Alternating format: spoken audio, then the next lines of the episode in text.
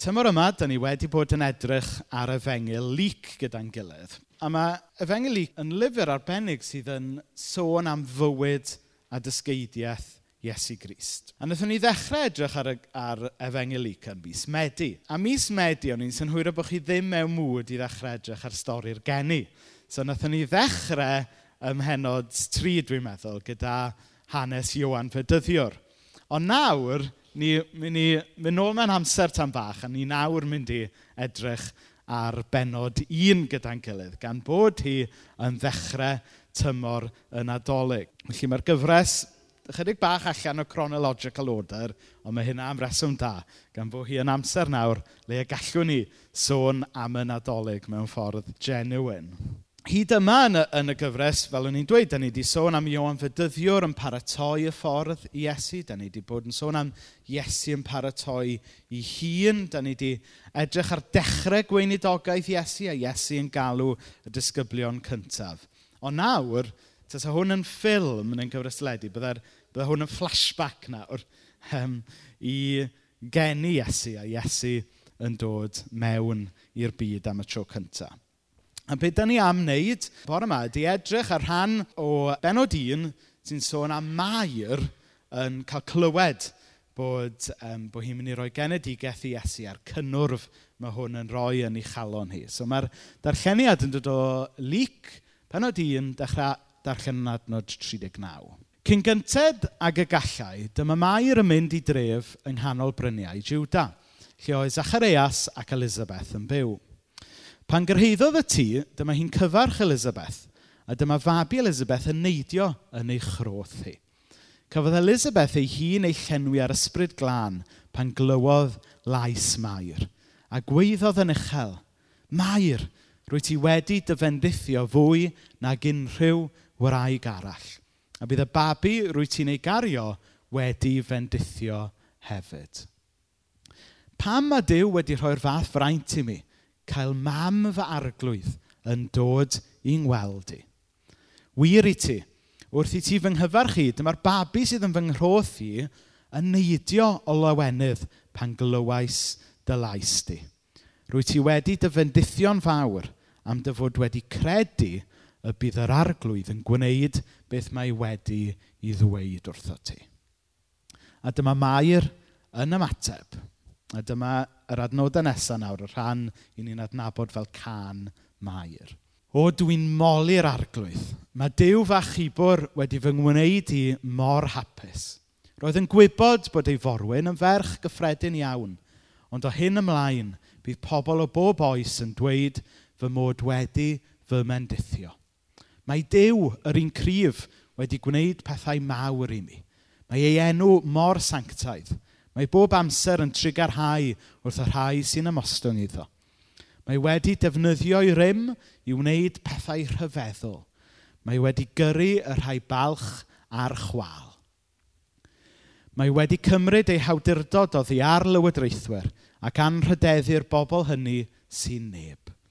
Mae wedi rhoi digonedd o fwyd da i'r newynog ac anfon y bobl gyfoethog i ffwrdd heb ddim.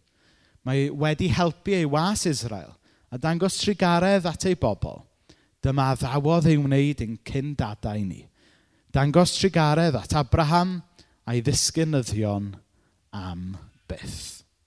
Nawr, beth fydde yn wneud i chi ddathlu yn wyllt heb ddal dim byd yn ôl? Cwestiwn go iawn. Go then, ie, yeah, pam lai, pam lai.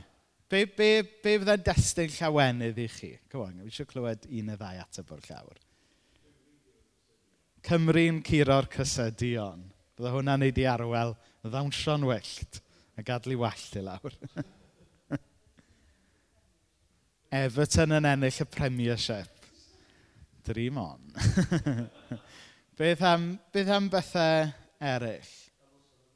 Cael noson o gwsg. Meddai'r tad blinedig yn y cefn. Amen.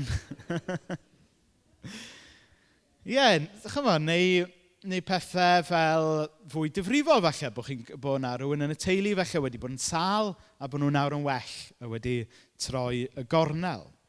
Clywed falle bod rhyw sefyllfa sensitif yn y gwaith falle wedi cael ei sortio allan. Clywed bod yna afon sy'n rhedeg heibio'ch tŷ chi. O'n i ar y ffôn gyda cath yn ystod yr wythnos. Um, achos gath tŷ cath, gath y lyfogydd yn ddofer rhai blynyddoedd yn ôl. So, pob tro mae yna law mawr, dwi wastad yn ffonio cath y bore wedyn i wneud yn siŵr bod hi'n iawn. Ac oedd yna lawenydd lawr y ffôn gan bod y glaw mawr heb ddod a dŵr i'w tŷ. Falle rhyw bryder ariannol falle, a bod chi wedi datrys hwnna. Falle rhyw sefyllfa bersonol falle i chi'n cerdded trwyddo fe wedi cael ei ddatrys. Beth bynnag yw e o bethau fel Cymru yn curo'r cresedion i gael noson o gwsg i glywed bod rhywun chi'n caru yn well. Mae'r mae pethau yma yn gwneud, yn dod â llawenydd i'n calon ni. A falle bod e yn gwneud i rai ohonoch chi wneud pethau allan o gymeriad hyd yn oed. Felly bod e yn wneud i chi ddawnsio yn llythrenol falle.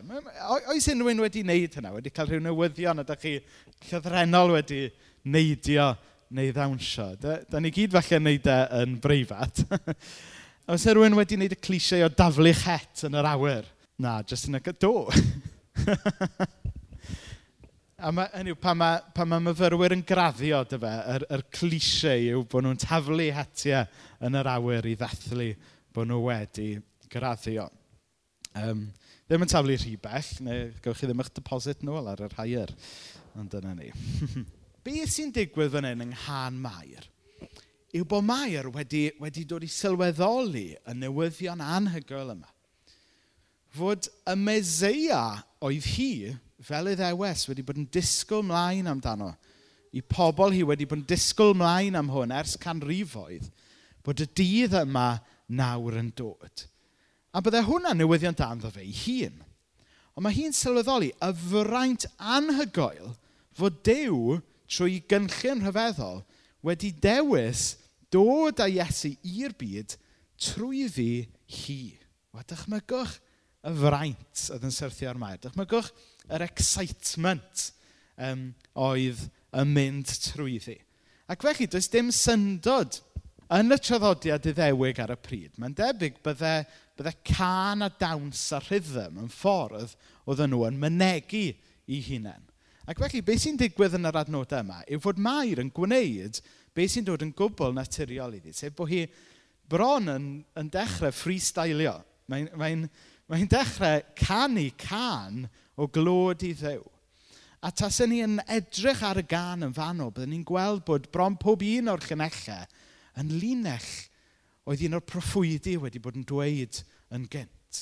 Mae hi yn, yn cloddio mewn i'r bac catalog yma sydd gyda hi o gyneuon mawl, pobl ddew. A mae hi'n canu can o gyffro fod Iesu y Meseia'n dod nawr i'r byd a'r fraint anhygol bod hi'n sylwi bod e yn dod trwyddi hi. Nawr, beth sy'n ddiddorol ynglyn â can mair? yr Magnificat yy mae'n cael ei adnabod fel yn Lladin. A beth sy'n anhygoel yw bod y gan yn dechrau yn bersonol. Dwi'n moli'r arglwydd. Mae Dyw fy achubwr wedi fy ngwneud i mor hapus. Roedd yn gwybod bod ei forwyn yn ferch gyffredin iawn, ond o hyn ymlaen bydd pobl o bob oes yn dweud fy mod wedi fy mendithio. Mae Dyw yr un cryf wedi gwneud pethau mawr i mi. Mae ei enw mor sanctaidd. Nawr, mae e'n anwyl iawn yn dydy fod, fod Mair yn dechrau chan gyda nodyn personol, yn pwysleisio fod, fod Dyw sy'n achub y byd hefyd yn ei hachub hi. Fod y newyddion da yma sy'n newyddion i'r bobloedd, y newyddion iddi hi hefyd. Fod Dyw sy'n dymuno bendithio pawb wedi dod â bendith iddi hi. A mae'r nodyn personol yma yn atgoffa ni, er fod gan ddiw gynllun mawr i achub y byd, mae o'n rhoi lle a gwahoddiad personol i bob un ohono ni yn y cynllun yma. A dwi'n meddwl bod hwnna'n rhywbeth arbennig iawn i ni gofio a ddechrau tymor anadolig. Yn hymor anadolig, da ni'n ni, da ni dathlu popeth mae Iesu yn ei, yn golygu. Da ni'n dathlu bod y newyddion da fod Dyw wedi dod i'r byd. A bron yn y stori fawr yna, bod ni'n anhofio ynglyn â'n lle personol ni yn y stori hefyd. Sef ydy fe ddath Iesu i weld y bugeiliad. Fe ddath Iesu um, i weld, fe ddath y doethion i weld Iesu fe oedd Herod yn ofn Iesu. A, a ni'n meddwl ynglyn â lle y bobl yna yn y stori. Ond falle bod ni'n anhofio lle ni yn y stori. Sef fod Iesu wedi camu mewn i'r byd i'n cyfarfod ni, pob un ohono ni yn bersonol. A mae e'n cynnig lle i ni yn bersonol yn y cynllun mawr yma i faddau pechodau, i roed bywyd newydd. A mae Mair yn gwybod hynny. Mae'n Mae, gwybod am y stori fawr, ond mae'n gwybod bod e'n golygu rhywbeth iddi hi yn bersonol hefyd. So, ar ddechrau'r tymor yn dolyg, dwi jyst eisiau dechrau drwy ddweud hynny. Ydy ni yn bersonol yn ymwybodol bod galwad Iesu i ni?